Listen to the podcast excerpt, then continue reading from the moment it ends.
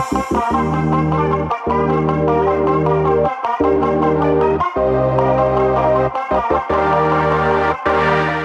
hey hey, welcome to Hot Team Fantasy Podcast. За манайха юу яцгаана? Подкастын маань шинэхэн дугаар эхлэхэд бэлэн болоод байна. Энэ удаагийн дугаарт NBA-гээр болон хипхоп хөгжмөөр дагнан одоо подкаст болон видео контент хийдэг Swish гэд хуудасны Shady гэдэг залууг урьж оролцуулсан байгаа. Энэ удаагийн дугаараар мэдээж өнөөдрөөр 2019-аас 2020 оны NBA-гийн улирал өндөрлөж нөгөөдөр мэдээж плей-офф эхлэх болохоор бид хоёр нэгдүгээр шатны таамаг болон чад хатгаараас анализ хийж тухайн таамага хэр бодтой байх вэ гэдгээр бид хоёр ярилцсан байгаа. Маш гоё дугаар болсон учраас та бүхэн бас дуустал сонсоод үзээрэй. За тэгээд шууд подкаст руу орё.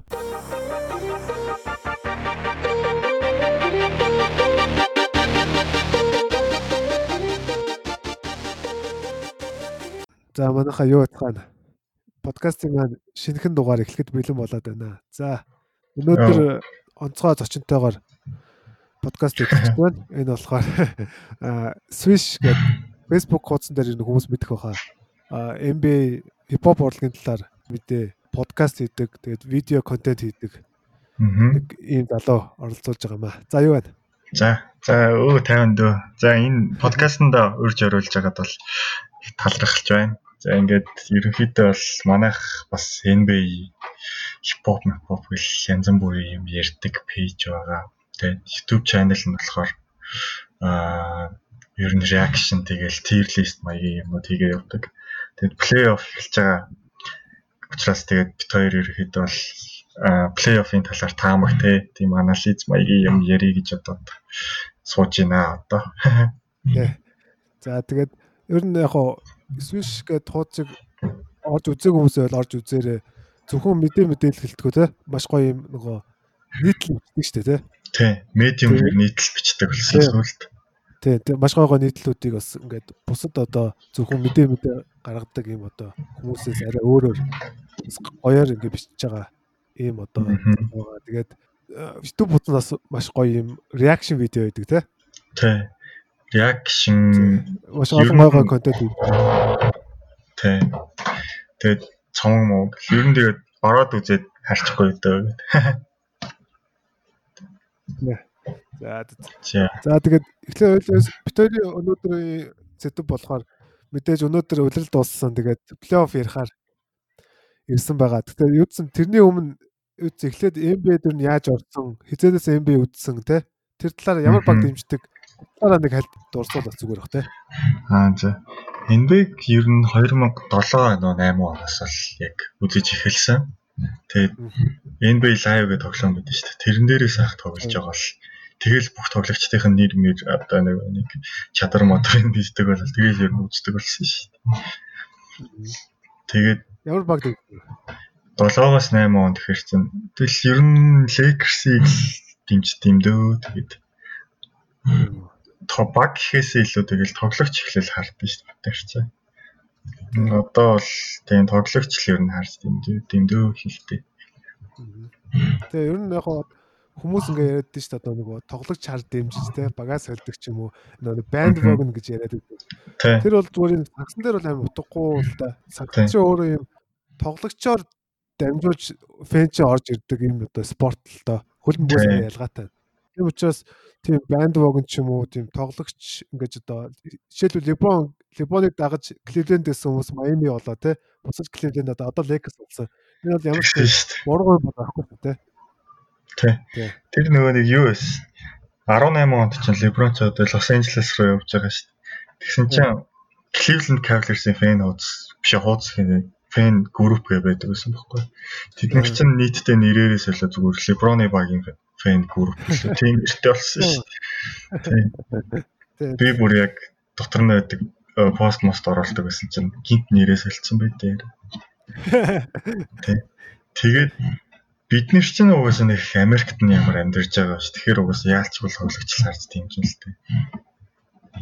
Би бол тэгжэл бод тээ. Тий. Тэгэлгүй яг хаа бид нарт бол нэг хамаагүй ш. Хэрвээ жишээлбэл яг одоо тухайн хотод нь амьдарч байсан бол те хэцүү шүү дээ. Тэ. Тий. Тэгвэл өөрөөсөө ялтчихв. Тий. Тэгээд Хүмүүс бас тэгээд бас муугаар юм шиг байл шүү. Ер нь харж байхад те. Тийм. Тэгээ би чинь тэгэл ер нь нэг яг баг гэлтгүй ер нь яг бүх л тоглогчдын талаар нийтлэл нийтлэл юм бичиж байгаа юм чинь тэгэл бүгдийн л дэмжиж явд юм дөө одоо ч тэгээд. Би ч зэрэг адилхан одоо. Би яг хуу Либоныг анх үзэж одоо эмбед орсон гэдэг утгаараа Либоныг бол дэмждэг л дээ. Гэхдээ ингээд контент бас хийгээд явж байгаа юм дээр ер нь бүх багийг л ер нь харж байгаа ч тийм. Тийм, ер нь тал тал руу л хөрөх хэрэгтэй гэдэг. За за за. Тэгээд нэг NBA тэгвэл бит юм нэг 7-8 оны үеэс л ер нь дэмжиж ирсэн юм да. Үзэж эхэлсэн юм да NBA-ийг л. Boston Lakers-ийн финал гэлтэй. Ер нь бол За за. За ер нь тэгээд өнөөдрийнхөө сэдв рүү орё да ер нь тий. Аа. Тэгээ. За плей-оффын эхний шат бракет одоо ингээд альбаасаар гарсан байгаа. Тэгээд аа хоёр зураг алган дээр нэг тусад нь яриг хийсэн байгаа шүү тий. Аа. Хоёр аль бүсээс эхлэх үү? Юу эхлээд нөө нэг өчигдөр болсон тоглолтын талаар жоох ярьж байна. Оо яг тэгээ нэрэ. Чи нэрэ үзүү нэрэ. Би эхлээд эхний хоёр үдээ юм үзчихээд ялч нойр үрээд унтаад өглөө нөхөж үзсэн байгаа. Амар тоглосон үү? Тий. Айгу дээр доорол гарсан тоглолт болсон билээ. Уул нь эхний хоёр үед бол баг Портланд за амархан очих юм байна да гэж бодчихсон чинь. Memphis 3 дугаар үед бол шал өөр одоо юу оруулж ирсэн бэл. 47 оноо авсан байсан уу? Харин тийм байна. Би яг үнийг хэлэхэд үзег унтцсан л да. Тэгээд Портландыг бол зүгээр амархан очих байх гэж бодоод тэгээд унтаад тэгсэн чинь харин ер нь нэлээ өсөлтөө үзүүлсэн Жам Моронт гэдэг залуу бол бас л айхтар гарч ирж байгаа залуу гэдгээ мэдгдлээ шүү те. Тий. Тэр бол зүгээр ирээдүйс. Тий. Аа. Тэр зүгээр ирээдүйн супер мод лээ зүгээр.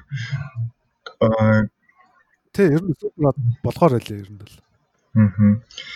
Юу анзаарчихсан л та нэг одоо хамгийн одоо карьерийн чухал тоглолт гэж явж байгаа шүү дээ. Өнөөдөр чинь нэг хасагдах шатны гэдэг утгаараа тэр тэр тоглолтод тэгээд карьер хаяа хийсэн нь бол ямар алмаар болсон л да яалтчгүй. Би тэгээ Моранта 35 он авч байгаагүй гэхээр бүр сони сонс. Төөх чинь болон баллаад исэн үстэй бил. Харин тийм. Харин би бас гайхсан. Баллаад исэн чинь тийм их оноо авдаггүй л байсан юм байна л да тий. Тийм үзүүлбэр үзүүлээд уул Морант миний фэнтези дэсэн бохгүй. Тэгээд айгүй сайн статтай байгаад тэгсэн 30-аас 35 оноо баг авч байгаагүй юм байл одоо бодсон. Тийм байна. Тэгээд ер нь яг хуу Монот гэлтгүй Memphis-ийн тоглогчид ер нь Memphis баг ер нь гоё болцсон юм байна. Ер нь дасгалжуулагч Tyler Jenkins-ээс авахгуулаад одоо Jam Morant байгаа тий. Тэгээд Triple J байгаа. Тэгээд Jonas Valanciunas байна. Brandon Clark, Dylan Brooks тий. Тэгээд сэлгэнээс чи одоо өөр юм байгаа лээ. Нөгөө Дэнтони Мелтон гэж байгаа тий. Гойгоо залуучууд тий. Кайл Андерсон. Харин тий. Маш гоё юм залуучууд бүрдсэн. Тэгээд яг үүргээ амар олцсон юм ангар тий пропорцтой баг л харагдаад байна л да тий. Тий. Тэрэн Джексон гимтэл ер нь бол угаасаа Memphis плей-оффт ороод хэрэггүй л гэж бодсон тэр үс. Тэгээд Джексон гүж гисэн сайн үзчихлээ. Брэндон Кларк бол өнөөдөр айгүй сайн нөхөж тоглосон баг баг 20 он авцсан байсан. 4 удаа 3-аас хийсэн. 3 дугаар үед баг бүх 3-аас хидэлтэй хийсэн шүү дээ. Тэгээд танилцсан. Ав барсан чи уулан Кларк ч баг шиддгүй шүү дээ. Тэг нэг сонин шиддэж шүү дээ. Ив хавгүй. Тэгээд Дилен Брукс гэдэг бол Лесчи дээр бол сайхан шидэгч гарч ирж илээ. Харин тийм байлээ. Өстой гоё лээ. Ер нь бол Тайлер Джекс системд бол амар гоо зөксөөд лээ. Аа. Тэгээд Winslow байгаа штэ. Winslow эргчилт ирээд яг SF яг гарааны сайн SF нь болж чадахгүй юу гэхдээ л жоохон эргэлзээд байна. Цаа чинь бол Майами дахтаа нэг давхар холбогч хийждэг байсан шүү дээ. Тэнгүүд Моранттай бөмбөг бол ацалтах юм болов. Эсвэл зүгээр хамгаалагч байж байгаа хоёрдугаар багийн холбогч болж гарч ирэх юм болов гэж бас бодсон.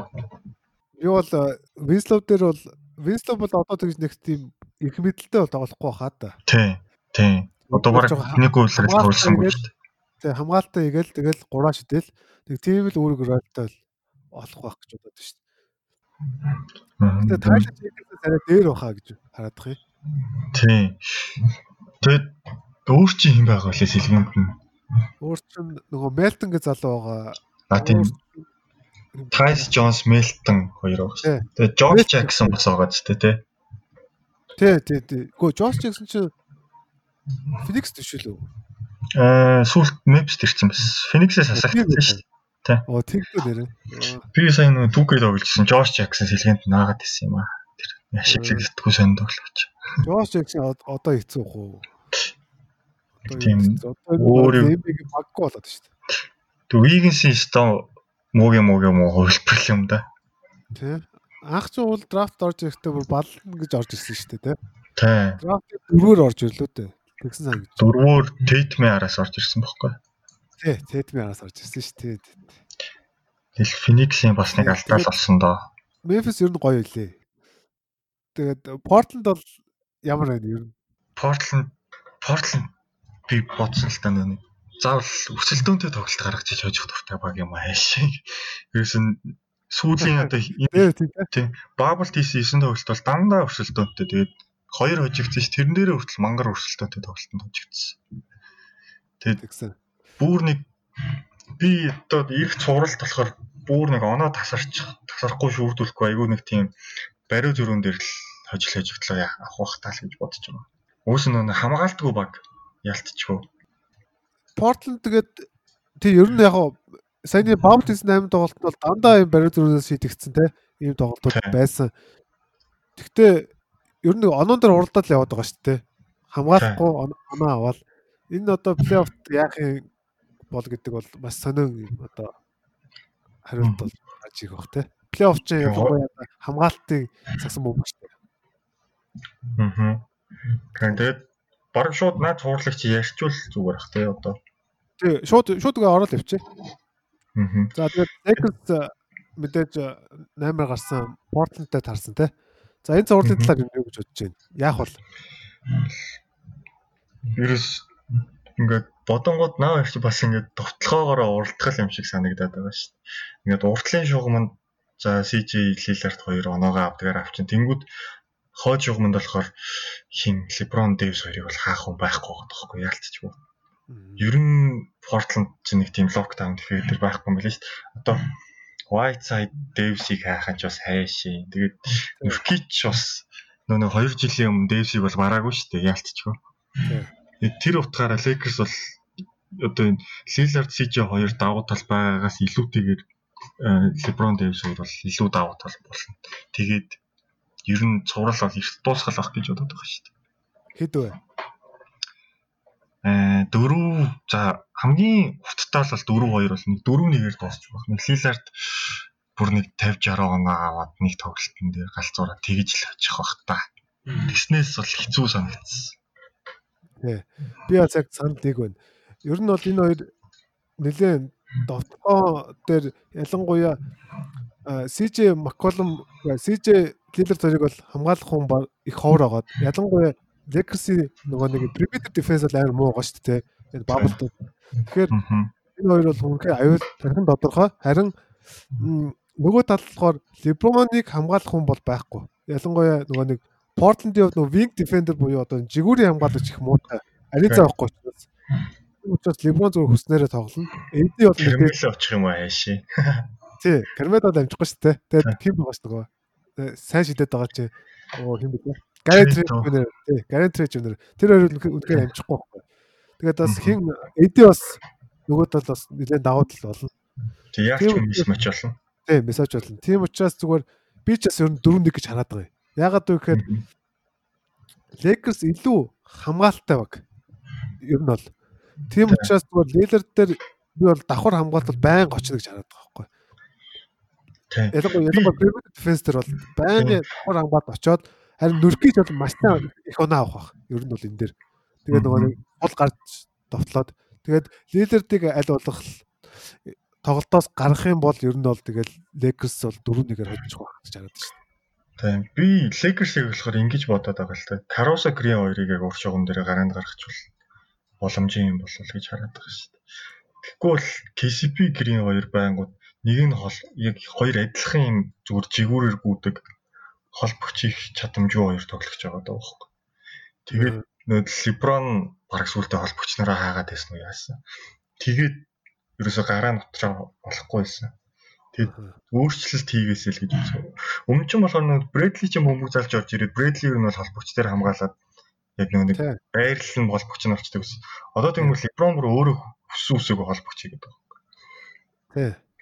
Тий. Би бас саналыг наа чи нөгөө KCP Danny Green гэж гаргаараа их л муу байгаа юм. Бабалд бол тий ялангуяа. Тий. KCP бол сэлгэнээс гарч ирэхээр гоё болчихдог байхгүй. Яг Козомо хүмүүс мустаг нийлээл. Тий. KCP уул нэг сайн тоглогч тэгээд дарна тий. Санд нэг Every Bradley-гийн байхгүй учраас тийм Алекс Карусо бол гарвал бас зүгээр л байх гэж харж байна шүү дээ. Аа. Тэгээд хэрвээ Рондо Рондо ч яг баг 2 дугаар шатнаас эргэж ирнэ гэсэн шүү дээ. Ер нь бол баг Карусог л гаргасан дээр тэгээ Рондо бол сэлгэнээс зээл тоглосон зүгээр ах гэж бодож байна да. Рондогийн тэгтээ гэмтэл одоо арай болоог үстэй. Тэг болоог сүүлд ямар ч сан баблд ирсэн шидэлт хийж байгаа гэсэн.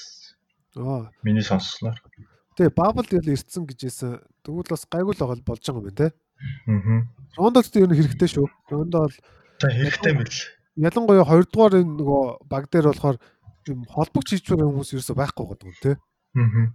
Нэг Дион Вайтер ч уул нь холбогчийг хийгээд байгаа байхгүй. Тэгээд дамжуултгүй холбогч хийгээд байгаа байхгүй. Дион Вайтер ч холбогч дээ. Тий. Тэгээд миний өөр харж байгаа юм бол одоо Портланд ч айгу сэлгээ муутай баг юм билий. Сүс үсээгүү. 3 3 тоглогч л ашиглаад байсан. Тэнгүүд Lakers болохоор сэлгээнээс ашиглаж хат бараг 5 6 оноо төгч байгаа. Одоо наацх нь Morris байна. Kuzma ямар сайн байгаа вэ? Тэгээд Waiters бол нэг тоглолтын дээр бол нэг шидэлтэн ороод 15 20 оноо авчихыг үгүйсэхгүй. Ялангуяа ийм Portland чиг хамгаалт муутай баг эсрэг. Тэгээд өө нөгөөх нь хэм блэ? Тэг JR ихч баг ашиглахгүй байх туу. Тэгээд Dwight Howard бас самбарт илүүрхэж магадгүй Whiteside-ыг тэгж харсан. Тий, ер нь бол санал нэг байна. Lakers-ууд одоо плей-офф хэлж байгаа учраас зарим тоглогчтой гарахгүй л байх л та нэг 8 тоглогч юм ашиглах байх гэж хараад байна шүү дээ. 8 9 тоглогч юм уу дээд нь. Тийм 9 тоглогч л ашиглах байх та юу. Портланд бол нэг нэг баг 7-ог л ашигладаг юм да. Портланд бол яг тий Сэлгэнээс Гэри Трент бол минутаа авах нь ойлгомжтой болсон. Тэгээ White Side-ыг гаргал. Бараг тэгэл энэ болоог ягаал нэмэлтээр нөгөө нэг ч юм уу. Тэр Саймонс бол худ болцсон байл шүү дээ. Харин тэр Саймонс ч уул нь фэнтези дээр эхний 1 2 3 7 айгу сайн тоглоод байсан биз дээ. Тий, Anthony Symons ч уул их ирээдүйтэй гэж ярьжсэн тий. Мань нөгөө яагаагүй шиг тий, бэлтгэл хийгээгүй шиг тий. Тий, тэгээд трендэд бүр байр суурь алдаад. Сая нөгөө нэг Бруклинтэй л нэг тоглолтыг харсан чинь зур гарч ирээд колчондож өрөхгүй л хичээлтэн. Тий. Ер нь бол Anthony Symons-аас юм хүлээгээд хэрэггүй хаад плей-офф дээр бол тий. Тэгээд Тий яг 8 8 л тоглогч юм байл ер нь. Тэгээд сая Зак Коллинс бас гимтчихүү яав. 7 минут тоглож суулаа. Зак Коллинс ч баг тоглоогүй биш үү? Тий. Гараанд гарчаад тэгээ суулсан байхгүй. Тэгээ ерөөсөө гарч ирсэн. Би одоо хайлт гимтчихүү яач вэ гэдэг. Тийм байна. Тэгвэл тэ гимцэн бол бас уулын Зак Коллинс ч маш сайн тоглогч шүү дээ. Тий. Хэрэгтэй тоглогч байхгүй. Тэг хэрэгтэй л дээ яалтчгүй. За тэгвэл битүүний ер нь 4-1 4-1 гэж л өгж байгаа юм байна да тий адилхан юм шүү дээ. Тийм. Дараагийн зурлал руу орох уу? За тэгье. За дараагч юу лээ? Аа Clippers юу байгаа?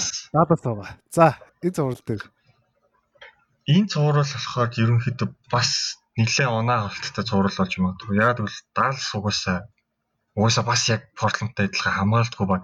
Гэхдээ уурч чугуун биш ард чугмын хоёрын шидэлттэй оноо төгдөг баг. Тэгээд Далс болохоор ерөөсө тоглолтуудыг харангуут одоо нөгөө хоёр нь бол хийдгээ хийгээд байгаа шүү дээ 30 40 оноо бол ингээл галзуурал. Тэгээд дахиад нэг нөхөр 20 оноо аваад дахиад сэлгэнээс нэг нөхөр 20 оноо л авахгүй бол нөгөө төгсгөлийн тал дээр тааруу дээрэс нь өөр нэг тийм X factor X factor гарч ирж ижил хожгоор байна л. Тий. Ер нь бол санал нэгж байна. Чи тэгээд таамаг 4 2 болох уу да. Би болохоор энэ одоо хоёр авах уу? Авах хаа. Нөө нэг Clippers ч одоо нөө хайрл ерөөсөө нэг тоглолтны тоглоогүй шүү. Тэгээд Лүү Уильямс формо нэг сайн олоогүй лээ. Тэгэхээр сэлгээний ялгаа гаргаад Далс нөгөө нэг одоо 3 4 дэх тоглолтонд хожиж болов. Тэгээд Аа тэгээд Лука нэг өөрийнхөө бас юг харуулах байлгүй дээ чи одоо. Өөрийг гайхамшиг аа. Тийм. Би бол баг нэг одоо нэг плей-офф нэг 30 10 10 дундчлахад асуудалгүй л гэж хараад байгаа шүү дээ.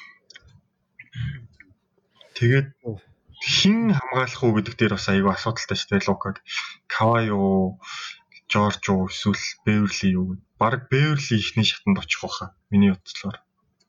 Би бол Кава л шинж. Кава шууд ихнээсээ амлаад авахгүй واخа. Хараа. Кава чинь тэрэн эсвэл үе үеэр ээлжлэх бах. За ямар ч хэсэн Пол Жорж хаах хаах бах. Хамгийн ихний хоёр үед дээр. Тий. Хамгийн сүүлд дөрөвдүгээр үед лавал Кавай ам да. Тий. Тэгвэл найраг үлдээ. Ямар ч. Тий. Нэг Антитокумбог яаж ажилгүй болгосон. Тэр шиг Кавай ч юм бас хэцүү шүү дээ. Кавай амар штэ. Тэгэл ер нь локдаун жинхэнэ хийдэг хүн шүү дээ. Тий. Эсвэргээрээ дээр болохоор хаах юм байхгүй байгаа тоххой. Юун дээр Clippers-ээс. Тий. Одоо хайрлах гэхэр намд нь Тий. тэгээд Morris бол жоох удах бах. Тэгэхээр Project нөгөө талд бол давуу тал болж магадгүй. Аа. Чиний бодлоор За би болохоор арай өөр байгаа даа. Нэг бэлдсэн нэг хэлхээ мартчих. Сайн нөгөө Lakers. Portland хоёр үлрэлт 3 тоглосон юм байна. Тэгээд Lakers 2-д нь хожоод Portland-ыг хоцсон юм биш үү? Энийг бас би нөгөө урилд нөгөө нэг хэд хоцсоныг бэлдсэн шүү нэрээ. Тэрийг хэлхээ аа да. За Тийм тэгвэл ихэнд нь баг хийглээ явуул зүгээр юм биш үү? хэд нэлээ хвчлээ зүгээр юм байна. Мартчихлаа. За Clippers даатаар болохоор юу шүү? 3-0-оор э, Clippers шүүрсэн шүү. Тэ. Үлрэлт аа үлрэлт бол тгсэн. Тэ үлрэлт би үлрэлтийг хэлээд байгаа. Аа. Тэгээд би болохоор арай жоохон санал зөрж байгаа юм болохоор яг уу Лука Борзинкс хоёр л хийдгийг хийх бах. Зүгээр устыг нь бол зүгээр би Клиперсийн хамгаалалт бол үнэхээр сайн. Үнэхээр хамгаалж байгаа. Тэгээд энэ нөгөө нэг deep гэдэг Клиперсийн ч одоо энэ рострыг болохоо deep гэдэг байгаа шүү дээ. Одоо тийм үнэхээр одоо хүчрхэг тий бүрдгүүтэй гэдэг. Тэгэхээр би зүгээр Далласыг одоо хоёрдугаар Даллас ч яаж яхад нөгөө сэлгээд их муутай шүү дээ. Сэлгээ Тийм. муутай. Тийм учраас зүгээр сэлгэн дээр ч юм уу гараанч тэр аль алин дээр нийлүүрэхэд би бол зүгээр 4-0 гэж хараад байгаа. Даллас зүгээр боломж өгөхгүй байгаа байхгүй. Ягаад гэх юм бол Мгм. Даллас зүгээр Clippers гэдэг амар тийм хүнд тийм мангасын ямар бол орчиж байгаа юмсан санагдаад байгаа юм. Хамгаалт бол үнэхээр сайн учраас Далласт бол би тэгээд дөрөвдүгээр их муу тоглодог. Тэгээд дээрэс нь хоёр од нь юу плей-оффын туршлагагүй хоёр байгаа байхгүй. Тийм. Тийм шүү. Одоо хожил авахгүй л гэж хараад байгаа. Тийм. Тийм. Project-ийн тоглолт нөө нэг яг үзэнгүүт ингээд угсаа анзаардаг. Яг эхний 3 үед алж идчих гэдэг 4 үед байхгүй болчихдог байхгүй.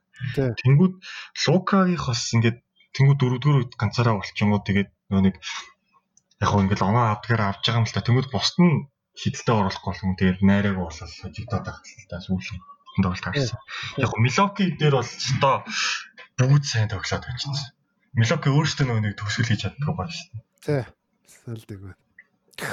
Яг Мм Clippers дээр болохоор Clippers ч баг 10 хүн ашиглаж тоглох уу? Тоглох бах тий. Clippers-аас за эхний шатанд бол 10 хүн баг ашиглана да. Тий. Одоо Лөө, Хайрл, Рижи. Шамет Шамбат Шамбат жаа гараанд гарч иж магадгүй тий. тий. Тэгээд Грин байгаа дээ. Тий, Jamaical Green байгаа. Тэгээд. Patrick Patterson байгаа. Патерсник ч баг ашиглахгүй тий. Тий, магадгүй. Өөр чи хэм байгаа лээ. Лавдаг амар deep rosterтэй байгаа шүү дээ. Макрудер гээд бас сайн хамгаалагч байгаа. Тий, Macro Clippers бол баг 12 хүнээж ашиглахад нэх гайхаад юм үл юм бэл. байхгүй. Хиж гарч ирсэн ер нь бол нэмэх тоглолтыг үзүүлэх бол магадлал амар өндөртэй. Тий. Тэгээд тэгээд ер нь баг ойлгомжтой дөө. Ер нь яач ч утсан.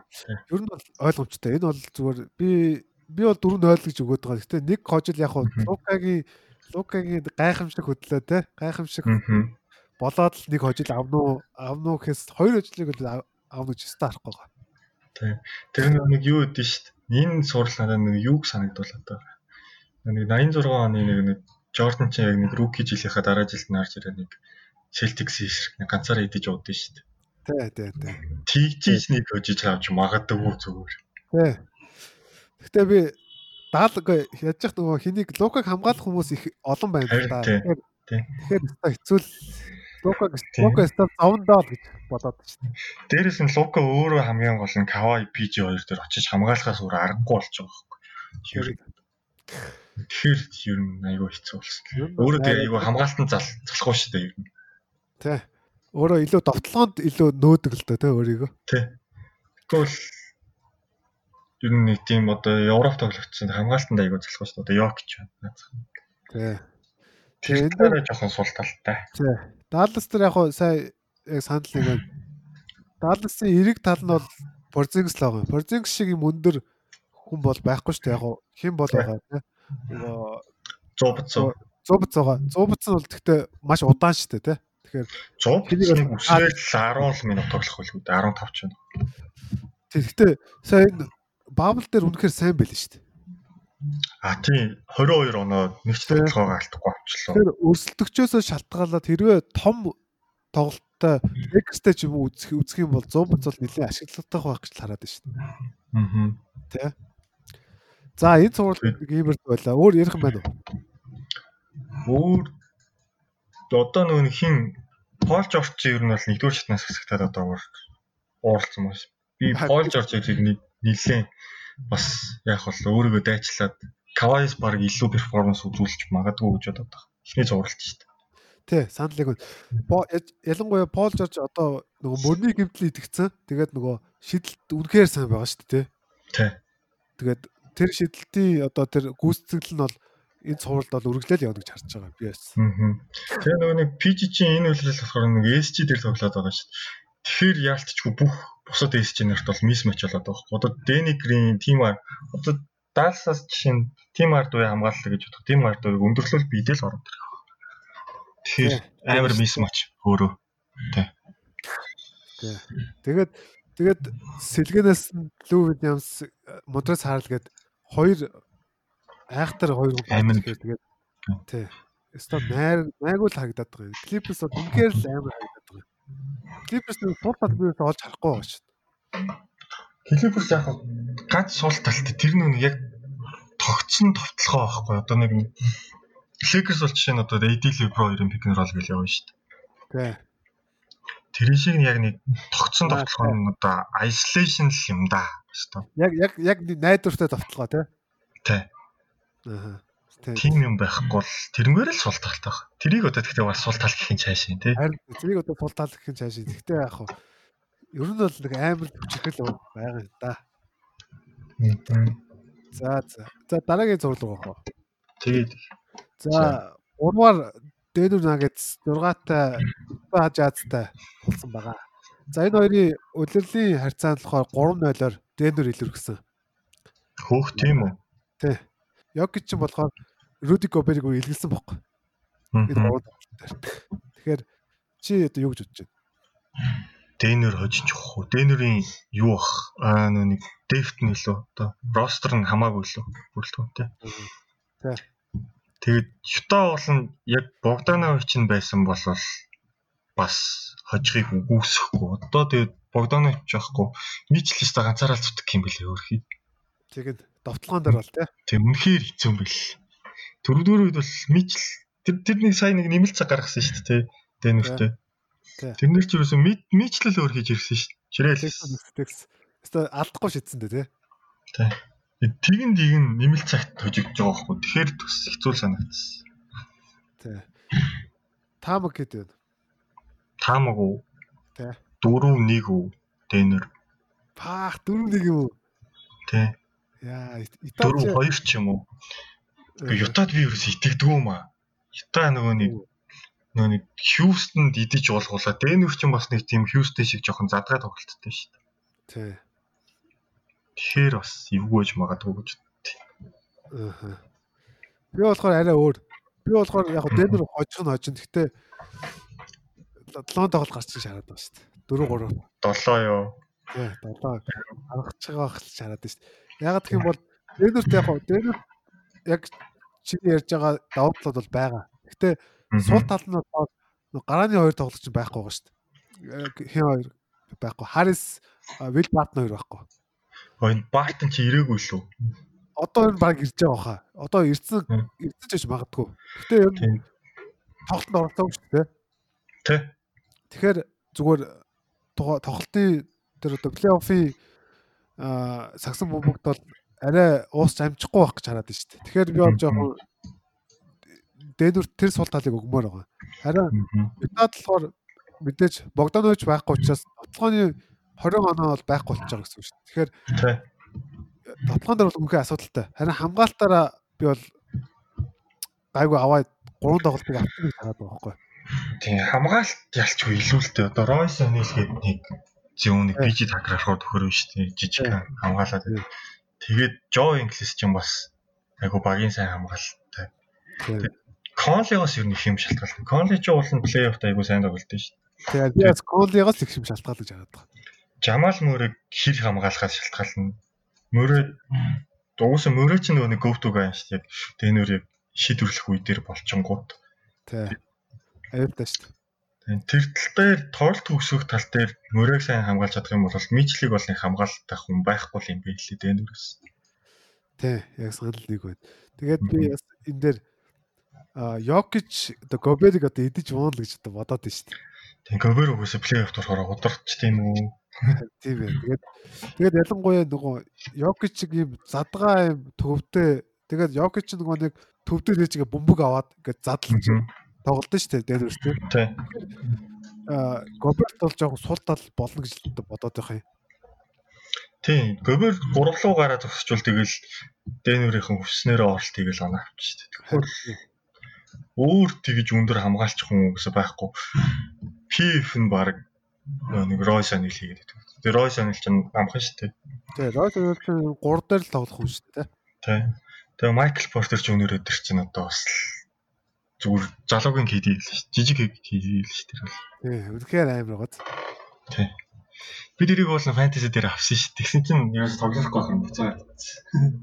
Уул би бас энэ фэнтези юу дэ Майк Мелон үнэхээр хэцүү байгаа нь ингэж байхгүй. Тоглолт дуусаад та одоо яагаад Порцо Жуниорыг гаргасангүй гэж асуунгууд оо би яг одоо дараагийн тоглолтын дээр түүнийг 20 бие тоглолтод 25 бие тоглуулна гэл тэгэл гаргадаг байхгүй. Тэгэхээр одоо фэнтези дээр амар хэцүү байсан. Ялч өнөө нэг Портерын байрал дээр Баартон аягүй сайн байсан. Тэгээд Грант сэлгэнээс сайн байгаад байгаа. Тэгээд нэг Тори Крэг байгаа. Тэнгүүд бүр баг 12 дахь хүн болоод байсан л та. Тий. Тэгээ одоо яж зах чинь нэг хэн байгаа сте боол боол байгаа сте. Горов дээр Боол боол гэж нэг нэг. Тэгсэн боол боол баг плей-офф тоглохгүй байхаа гэж харсан би. Би бол баг зэрэг тоглож магадгүй гэж боддог шүү дээ. Боол боол чи их л сайн л юм байл юм бол. Дандаа даваа талыг үүсгэж, даваа талыг дандаа үүсгэж ийл. Аа. Тэгэхээр бол гайгүй тоглож байх гэж хараад шүү дээ. Тэгээд би ер нь дэнүр ер нь цаашаа авраг руу бүсийн финал руу ер нь үүсэх болов юу гэж бодож байна? Бүсний финал хэцүү шүү дээ. Одоо наадахнаас чи хожоо гараад ирлээ гэж бодоход клиперстэй дараал тэгэл госуулна да. Клиперс байхгүй. Яаж харахгүй. Тэ тэ. Чи одоо за жишээ нь одоо за мэдээж Йокч даваа тоглолоо ш клиперсээр би угсаа нэг хоёр тоглолтын үдсэлтэй яг тэр хоёр тоглож байгаа. Йокч нэг тоглолт нэр нь бол идэж уусан гэтээ бараагүй яа. Гэтээ бол тэгж амархан хожигдл бол болоогүй Сая энэ 7 хоногт идэг байрлалын төлөв тоглолтын дээр болохоор бас ерөн сайн тоглосон. Нөгөө хоёр уртлын шугамын хоёр залуу орж ирээ шийдсээр байгаа туссан. Тэ. Тэгсэн. Тэг би бол бас бас поолж авчихсан л та. Энэ бол энэ үлрэдээ бол үнэхээр барахгүй. Гэхдээ би бол Дэнүрийг яавал авраг авах вэ гэж бодох бодохоор Майкл Портер Жуниорыг л сайн тоглуулах хэрэгтэй. Майкл Портер Жуниорыг багийн номер 1 болгох юм бол тэгээд Йокич 2 болоод Жамал Мөрөө 3 болох юм бол тэгэх юм бол яг багийн гоё тэнцвэр харагдаад байгаа байхгүй яг тийм одоо авраг багийн одоо юу гэх чансаа гэх юм уу те Майкл Портер 20 боддоо шүү. 20-оос дээш оноо дунджлаад тэгжээч нөгөө focal point гэдэг тоглогчийг олж авах юм бол Дэнер бол үнэхээр аюултай. Яг гэх юм бол Дэнерт одоо яг яг одоо ингээ бүр Жамал мөрөгөөс өөр бүр яг ингээд шууд өөрөө ингээд довтлоход хийгээ те дуусгаад ингээд тэгчээр хүн буй хагдахгүй байхгүй. Йокич Аялчин хийдэг хүн зүгээр бүрэн Бартон л хийдэж штэ цагаад болохоор. Тэгэд Бартон бол одоо нэх удахгүй штэ ер нь. За ер нь тий. Сэлгээ мэлгэнээс ер нь гарч ирээ 6 дахь тоглогч байгаад яг тоглолт төгсөй тал дээр бол байх тоглогч. Ер нь 6 дахь тоглогчийн үүр гэрэлтэй штэ Бартон бол. Тий. Тэгэд Майкл Портер Жуниор ч нь одоо тэгээд ирээдүгээс супер стар л хэлсэн шүү дээ. Харсан. Харин Хоёр жилийн дараа бол тэг аим өндөр тэгээд хөдөлгөөнтэй яг юу бас бүх зэгээс зовтлж чаддаг ийм амар аюултай. ер нь л KD хэлээ дээ. Тэг ер нь бол KD л харагдаад байгаа. Тий. Тэгэхээр KD ямар тоглогч вэ? KD аваргын багт байх номер 1 тоглогч мөн үү? Тэгээд Йокич гэдэг сайн туслах. Тэгэхээр Тэ. Тэгэхээр би бол яг тэгж л бодоод байгаа. Хэрвээ одоо авраг авъя гэж бодож ивэл Майкл Портер Жуниорыг бол сайн тоглуулах хэрэгтэй. Тэ. Тэ. Бүр яг суперстарын хэмжээний тоглогч биш болт юм а гэхэд нэг клач хэмжээний тоглогч байхад болчихж байгаа байхгүй одоо хим юм. Гэтэ ер нь бол Клей Томпсон шиг багийн нэг номер 2 мөртлөөс айгүй клей шүү. Тиймэрхүү. Гэмтэл авахгүй бол ер нь бол суперстар болчгоор л харагдаад байгаа юм да. Тий. Тэр чи юугаар гэмтээчлээ ер нь? Тэр чинь нөгөө юуда юугаа Мисүригийн их сургуульд ороод тэр чинь нурууны нэлийн хүнд гэмтлээсэн. Нуруундаа л гэмтэлтэй л. Аа. Тэгээд их сургуультай бол бараг тоглоогүй шүү дээ. Тий. Коллежд бараг тоглоогүй санагдаад байна. Лавдаг л нөгөө хай скултэй бүр аймаг байсан. Тий. Тий.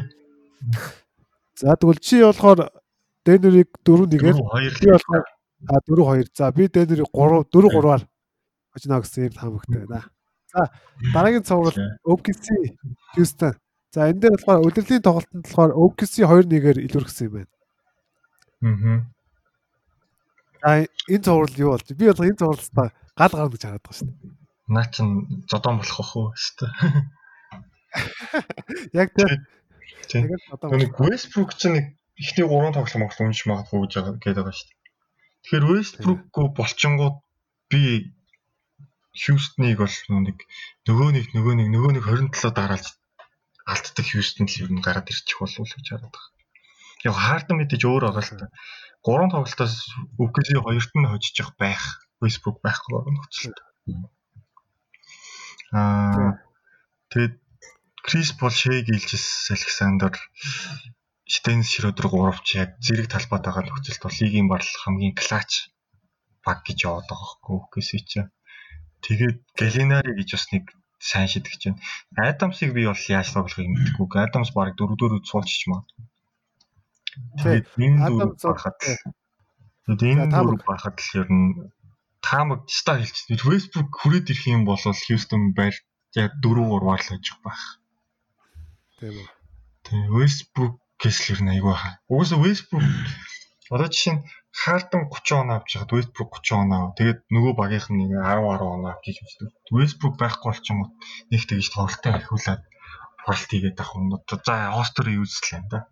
Остер юус тэгээд тоглолт болгон дээр 30 оноо авдаг. Чухлаа шүү дээ. Тий. Тэгин Эрик Гордон ирэх төгч нь үү? Эрик Горд ирсэн байлээ. Сүүл өчигдөр л Филитэй тоглож байгаа. Тийм. Филитэй тоглож байгаад харагдчихсан. Оо зүт. Оо зүт. Хьюстон ч юм болохоор жоох хэцүү шнэ нэг. Нэг 8-ын тоглож тоглоо. Нөгөөдүүл нь тэгээд ядарчдаг өөр. Би одоо бас тэр алдаага дахиад гаргах болов гэж боддог байна шнэ. Одоо гарааны тавтагаа шнэ. Тэнгүү тэрэн дээр нь Эрик Гордон, Остер Иверс за тэгээд нөгөө Мэклмор энэ гурав л гарч ирэх байх. Тэгээд за Джеф Грин Тэгээд ер нь бол нөгөө хоёр суперстар болцоо тултлан тоглуулаад тэгэл ядралт авал хоёрдугаар шатнаас босуулдаг. Тийм проблем баг болцоод идэв. Хьюстай аягүй хэцүү. Аа. Тийм чиний хаар бол би болохоор арай өөр байгаа. Би болохоор ерөөсөө хөөсөнд итгэхгүй байгаа. Аа. Ягаад гэвэл хэцүүчтэй тий. Тий. Би өөртөө жоохон тийм консерватив жоохон хуучин цаг гэж магадгүй зүгээр энэ төвгүй юм сагсан бомбог зүгээр хол явна зүгээр би үнэхээр бодохгүй байгаа байхгүй. Аа. Тэгээд ягаад вэ гэхээр одоо OKC за би эхлээд OKC-ийн давуу талыг ярьчих. OKC би OKC-ийн тоглолтыг энэ үйл үнэхээр их үзсэн. Амар үзэг дуртай байгаа гэсэн байхгүй. OKC дээр би болохоор сул тал гэж харахгүй байгаа. Сул тал байгаа гэж би ерөөсөй харахгүй байгаа. Яг хоо Стив Адамс сул тал болж магадгүй эсвэл даваа тал болж магадгүй. Тэ? Харин OKC дээр хамгаалтыг нь онцлох хэрэгтэй. OKC-ийн хамгаалт үлрэлт техний тавд бол байгаа гэж харж байна. Баблд бас эхний 3 тэл бас байгаа. Тэгэхээр OKC-ийн хамгаалт Билли заавал Доновны одоо энэ хамгаалтын тэр intensity гэж ярьдаг одоо тэр юу болохоор үнэхээр сайн байгаад байгаа. Тийм учраас би болохоор Хьюстон бол илүүрхэд Хьюстон Вестбруктэй байсан ч гэсэн би хэрвээ Вестбрук бүгдэнд нь тоглох юм бол OKC 4-3-аар хожино. Харин а Вестбрук тоглохгүй бол 4-2 гэж хараад байгаа. Бүр. Хөх. Тий. Арай арай жоо шигдсэн нөө. OKC бас хожичхад нэг гайхаад байх юмгүй. Дээрэс нь нэг сэлгийн хамаагүй илүү. Денис Родер гарч ирээд за өөр чи юм байдаг лээ. Фергюсон, Доорт. Тэг одоо Андре Робс ирсэн. Тэг Андре Роберсон ч бас нэг 10 минут 15 минут нэг Facebook тэр хоёрыг хөөрхөн зовооч штэ. Тэгэд Нерлендслөө нөөл чинь айгу хурдан төвч юм. Тэгж хамгаалтан дээр удаад байх бол биш гэж харагдаж штэ. Маш хөдөлгөөтэй штэ. Тийм. Нөөл ер нь бол сэлгэнээс аюу сайн байгаад байгаа. Хүмүүс нэг ярихгүй байгаад болохоос. Тийм тийм. Defensive rating, offensive rating тэр хоёроор ер нь баг Адамсаас илүү байгаа нүг яг 20 минут л тоглож байна. Яг тэрэндээ мангар итгэвтэй тоглож байна. Тэгээд Крис Пол нөгөө хоёрыг бодвол арай клач тоглогч дээрсэн тоглолт тасгалтай. Тий. Би бас энэ дээр одоо за хоёр багийн одоо супер одуудыг харах юм бол Крис Пол, Russell Westbrook, James Harden гэх гурав байгаа шүү дээ. Аа. Энэ гурвын тоглолт энэ цовролт Крис Пол нөгөө хоёрыг илүүрхэн чараад байгаа байхгүй юу? Зүгээр хувь хувь тоглогчоор. Яг тийм тоглогчийн хувьд илүүрх боломжтой. Тий. Ялцчих. Крис Пол нөгөө одоо өөрт нь батлах ёстой нэг зүйл байгаа шүү дээ. Хьюстон түүнийг солио явуулсан тий. Тий. Хэрэггүй болсон. Тэгэхээр Крис Пол ч өөрөө маш тийм шартай ийм тоглогч учраас өөрийгөө маш дайчилж тэгээд хамгаалтан дээр хэнийг хаарданг те аваад тэгээд өөрөө довтлогоонд бага удирдаад бол үнэхээр сайн тоглолтыг л үзүүлгэж хараад байгаа шүү дээ. Тэгээд дээрэс нь Шэ гэлжс Александр болохоор залуу тоглогч гэсэн туршлагагүй ч гэсэн тийм сэтгэл зүүн нэг тийм сонин тоглогч тийм 50 айгуу айгуу 50 те. Тэгээд би болохоор плей-офф дээр болохоор түүний тоглолт унаад нэг сүртэй шалахгүй л гэж хараад байгаа. Тийм. Шээ чи нөгөө нэг түрүү жил болохоор Clippers-тэйгээ бас юу үзсэн ш плей-офф ер нь үзээд Warriors-ыг бол хоёр хожид үзсэн тоглогч байгаа шүү дээ. Тэгээд Шей Фергюсон хоёр бол юу яг эхнээсээ хаартан дээр ээлжлээд авчих байх болоо гэж би бодсон. Тэгээд Шей чи нэг удаан юм шиг мөртлөөсөө бас тэгээд хаартан хаартан ч өөр бас нэг тийм тоглолттой шүү. Тэгээд ер нь айгу тийм сонжирсан тоглолтод болох байхаа яг дэгтэлт нь хаартаа алтайгаа авах гал тэнгууд нүүдэлт нь пол ч бас тэгэл хоорны хариулал хийрүүлэгдвэл тэгэл яваад. Тэгээ би энэ хоёрын бас тоглолтыг дандаа ийм ойрхон тоглолт гэж хараад байгаа юм. Дуусах та. Тэгээд үлрэлт нэг тоглоход бол бүр УКС нэг тоглолт нэр бол бүр идэж уугаа явуулсан шүү дээ. Харин тий. Харин тий. Тий. Пол ч нөгөө нэг хиний хилээ салтаанаар нь бөмбөг бөмбөг гаргаад бүр качин болгоо явуулсан шүү дээ. Тэгээд нөгөө нэг тэгээд юу гэдэг лээ дууслаа мууслаа гэл тий. Дуусах муусах гэл. Тэгээд яа. Тэгээд би яг юм нөгөө клач моментод болохоор Крис Пол бол үнэхээр клач тоглогчтэй тий. Аа. Тийм учраас Хардан бол Хардан бол би бол үнэхээр үнэлэхгүй байгаа. Яг клач момент момент шүү тий. Зүгээр тоглогчийн хувьд бол үнэхээр сайн шүү дээ тий. Тий. Тэгэхээр би бол OKC-д давуу тал өгöd юм. Хьюстон амар буруу а багтаагаад тоглолцоод байгаа гэж байна. Хьюстон тийм бас байж болох. Хьюстон бол за Шутатад харсан бол ихний шат бол ийзээ гараад ирэх байсан. Тэгээд Шутатад тоглосон бол үнэхээр тий. Дааластай тоглосон бол бас оноогоор уралцаараа гараад ирэх байхгүй. Тий. ΟКС бол хэцүү л байгаа. ΟКС бол үнэхээр тийм гой цагсан мөнгөийг үзүүлээд байгаа байхгүй. Били Дононыг ягаад нөгөө шилдэг дасгалжуулагчийн шагнал одоо өрсөлдөж байна гэхээр үнэхээр ОКС-ийг бол Тэ одоо ямар ч тийм найдваргүй гэжсэн багийг бол ингээд үнэхээр гоё гаргаад ирсэн. Би бол үгсэл давуу тал өгмөр. Ер нь тийм шүү. Тэгээд тэгээд за Хьюстон гарч ирлээдсэн Lakers-ыг барах уу? Тэр нэг Хьюстны плей-оффын тоглолтыг л харж иж. Энэ хоёрын бас плей-оффын тоглолтуудыг л харж яах. Хэлэхгүй бол энэ хоёр яг нэг яг жинхнээсээ бол нэг тоглоогүй шүү дээ. Яг нэг нь яг үлрэлийн ихэнд бол Lakers бол идэж уусан яг хоёр тоглолтын дээр. Тэгэд 3 дахь хөлөө тоглолтын дээр чинь нөгөө Capella солио болсон шүү дээ. Тэрэн дээр угаасаа шоконд орсон. Тэгээд яаж тоглохоо мэдэхгүй очигдсан байхгүй. Тэгээд сүүлд тоглоход ч юм болохоор LeBron тоглоогүй. Тэгээд тэр ч яхав тэгээ баг хайцсан шүү дээ.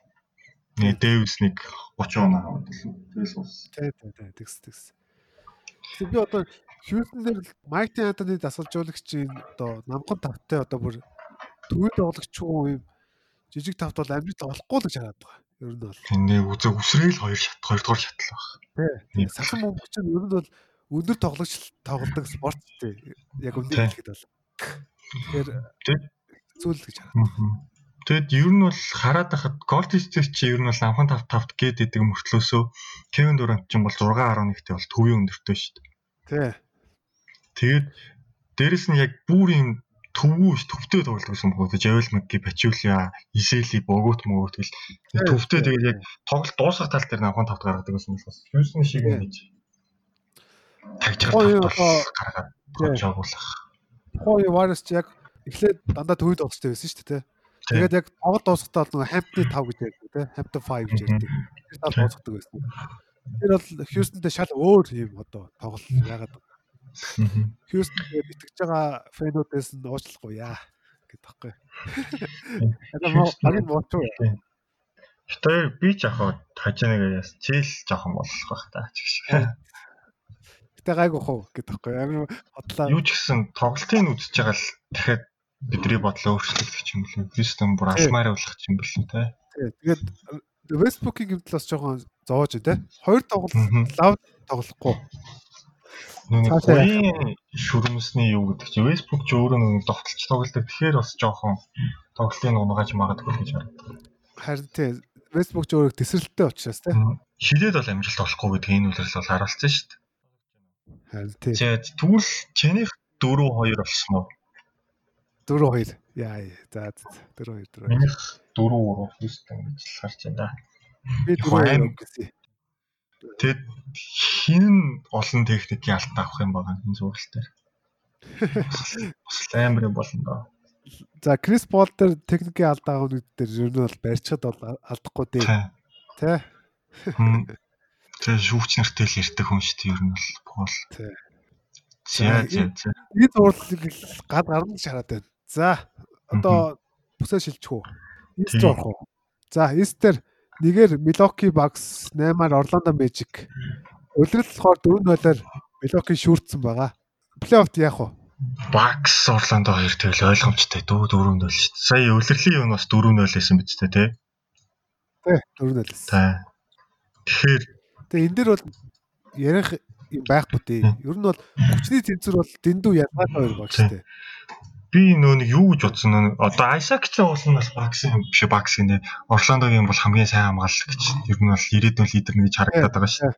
Тэгэд Айсак гэмтэл бүр ойлгомжтой доо. Аарон Гордон тэгээд тэгээд явахгүй л юм. Хүчээвч Аарон Гордон.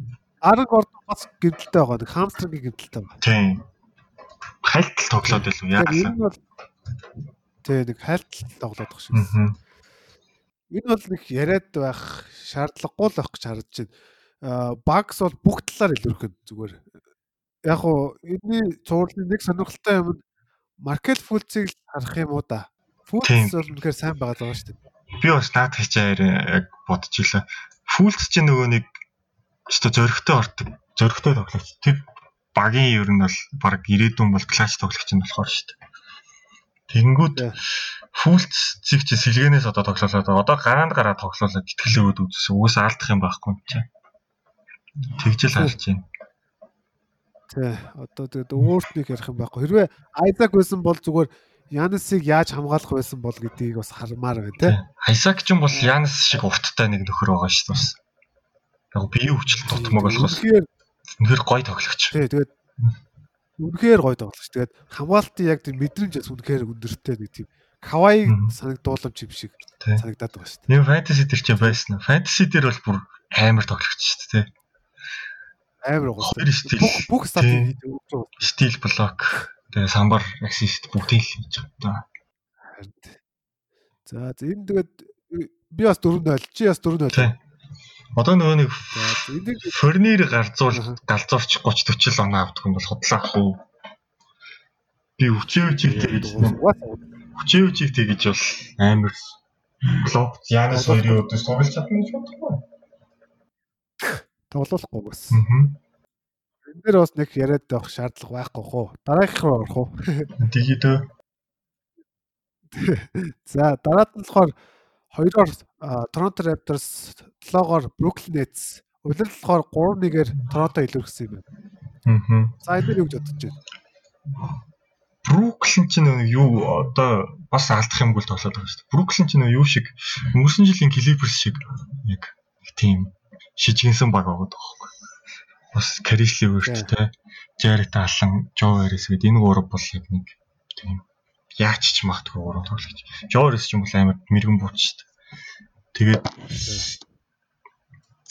Гэтэ Торонто бол үнэхээр амар хамгаалттай байна. Би лөөрт тэгэж одоо дураараа саяных шиг тэгэж дураараа орно гэж бодохгүй. Наацх наноно би тулна. Паул байгаа, Омлит байгаа. Тэгэхээр хэцүү. Тэгээд төв рүү ороод ирэхээр Маркас бол шак. Леверт бол нэг 20 оноол авах. 20 оноол дунтчихлаа. Өсрэл 20 дэх хүч юм. Тий. Тамг. Тамг Торонто гэхдээ нэг нэг плей-оффын тоглолтын нэг заавал нэг нэг муу эхлүүлж шүү дээ. Ер нь үеийн үед. Тэгээд 4-1 л байх гэж хараад байна. Лори нэг нэг плей-оффт нэг очроо авах гэж нилээ явдсан шүү дээ. Тий, тий, тий. Гэхдээ Бруклин Нетсийн хувьд бол үнэхээр хүч дутуу байна л да, тий. Тий. Хэн байхгүй одоо за KD Kyrie тий, KD Kyrie ч яг мэдээж байхгүй. Дээрээс нь Диандре Жордан байхгүй, Вилсон Чандлер байхгүй. Өөр чин Динвиди байхгүй. А хэн байхгүй. Тэгээ Динвиди байхгүй. Тэгээд Таврын Принц байхгүй. Гарааных нь 3 одоо байхгүй. Харин байхгүй. Тэгэхээр бас зүгээр Баблд бол ийм хүч дутуу мөртлөө сайн тоглож байгааг нь үнэлэх хэрэгтэй. Левер бол үнэхээр сайн байгаа шүү дээ. Левер бол ер нь тэгэхээр нэг дажгүй багт очоод багийн хоёр дахь лидер болно гэдгийг харуулсан шүү дээ. Тий, ер нь бол үнэхээр сайн тоглогч харуулсан. Даач нөгөө нэг Kyrie хоёрт бол үнэхээр тоглолтод зохицохгүй. Яг бөмбөгтэй үеж ижил тоглолт болохоор. Тэгэхээр одоо левелийг нэг сайн үн хөргээл салах хэрэгтэй тий. Ер нь тийм шүү. Левер их чи ер нь бол левер Jared Allen хин Динвиди гурыг бол ер нь биелэр тулна гэсэн яриа гаргал. Эсвэл Булс руу бүр Лавинар ч юм уу. Лавин бол яг зохицох байхгүй энэ хоёртой яг аваа шидчихдэг сэлгээний багт байхад бол сэлгээнийг нэ сэлгээнийхэнтэй одоо гарч ирээд тоглолцоход бол болчих те гурав дахь лидер гэж хараад байгаа. Гэтэ Динвиди бол байхад бол буруудахгүй. Хоёрдугаар тавт нь бол гарч ирээд оноогоо аваад те. Тэгж харж. За энэ цувралын хувьд болохоор би бас санал нэг байна. Ер нь бол Торонто бол үнэхээр илүүрхэн. Би бол 4-0 гэж харж байгаа. Шүүрдэж харж байна. Яагаад вэ гэхээр яагаад вэ гэхээр зүгээр Торонтогийн давуу талыг ярих юм бол Торонто үлрэлт хамгаалтаараа лигт хоёрт бичигдсэн. Хиний араас Милоки Баксын араас. Харин Бабл үлрэлт номер 1-т бичигдэж байгаа. Зүгээр хамгаалтын хамгаалт нь үнэхээр солиотой байгаа шүү дээ. Тэгээд нэг нөөцийн хамгаалтын дасалжуулагч ирсэн. Тэгээд Торонтог бол үнэхээр л сайн авч явж байгаа. Тэгээд дээрэс нь Баблд хамгийн ихэнд ирсэн. Тийм учраас багийн ойлголт нь үнэхээр их сайн байгаа. Тэгээд дээрэс нь одоо багийн хоёр од нь бол яг үүргээ ухамсарлаад сайн тоглож байна. Дээрэс нь бусад тоглогчдын үр нөлөө бол яг одоо бүгд одоо ингээ хийх ёстой юм олоод ингээд тэрийг хийгээл яваад байгаа тийм. Тэгэхээр Торонтод бол би энэ жил бол үнэхээр найдвар тавьж байгаа гэж хэлмээр. Тэгээд би бол өөд ойлгож харж байна. Торонто дээрэс нь сэлгээ бол бүр мянга дахин илүү юм бэлээ. Одоо сэлгэнээс чинь Ибака гараад ирж байгаа. Рондо Холлис Джефферсон гээ бас айгүй гоё тоглогч. Би бол аюул дуртай. Төрөжл нийцтэйсэн. Тэгээд Паул байгаа. Теренс Дэвис, Мэт Томс гэх нэг хоёр шидэгч байгаа. Тэгээд ер нь эднэр чинь гарч ирээл ингээл бочигнуулаад дээрээс нь яг үүргээ ухамсарлцсан. Аа Сиакми тоглолт баблж жоохон болж өгөхгүйс. Сиакам гэхдээ тоглолт олж өгөхгүй нийц эсрэг нийц дугасаа хайх юм байхгүй шүү дээ. Тий. Сакамд бол гайг ах уу? Ер нь сааз авахгүй шүү. Өнгөрсөн жил бол Сакам бол плей-оффор бол ер нь бол яг Кавасис бол илүүтэйгээр гарч ирсэн шүү дээ, тий. Кави бол хийдгээ байсан.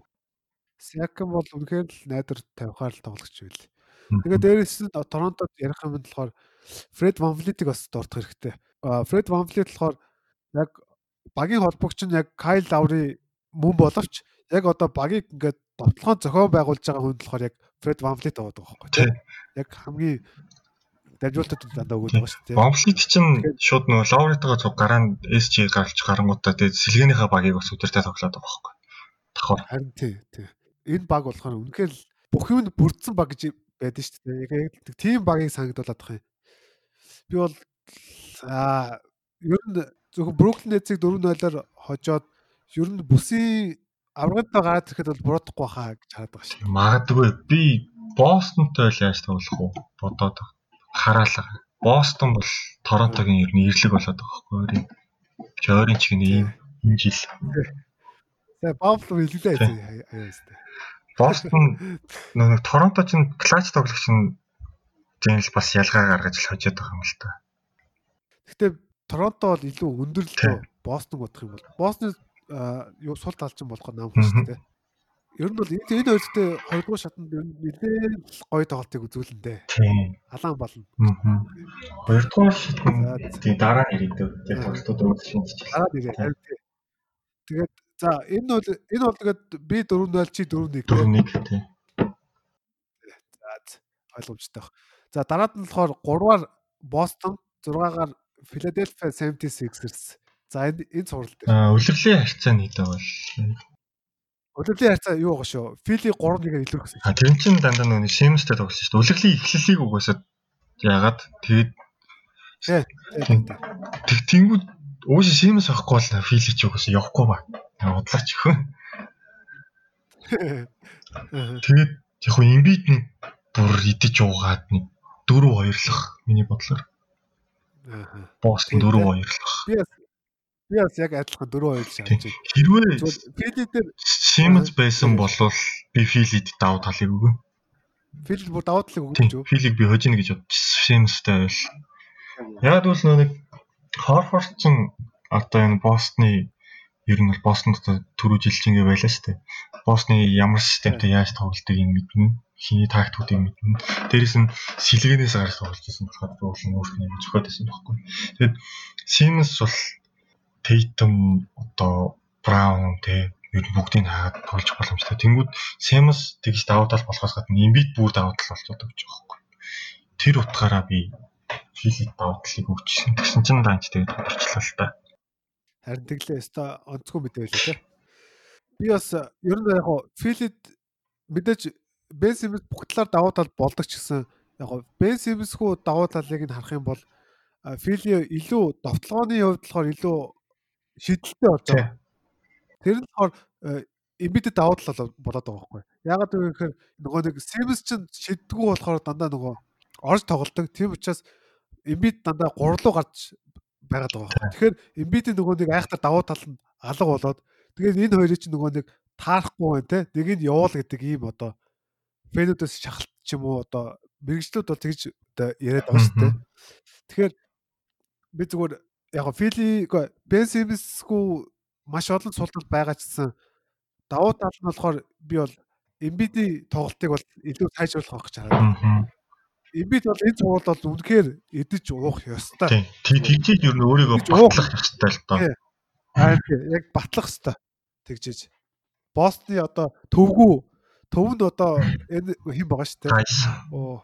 Даниэл Тайс. Тайс байгаа. Тэгээд тэгээд Энс Кантер байгаа. Тэгээд Вильямс байгаа тийм. Роберт Вильямс. Энэ гурван эцэг бол үнэхээр л эдэж уугаад одоо Хаким Моложоны тийм тэр тоглолтыг л үзүүлэх хэрэгтэй л.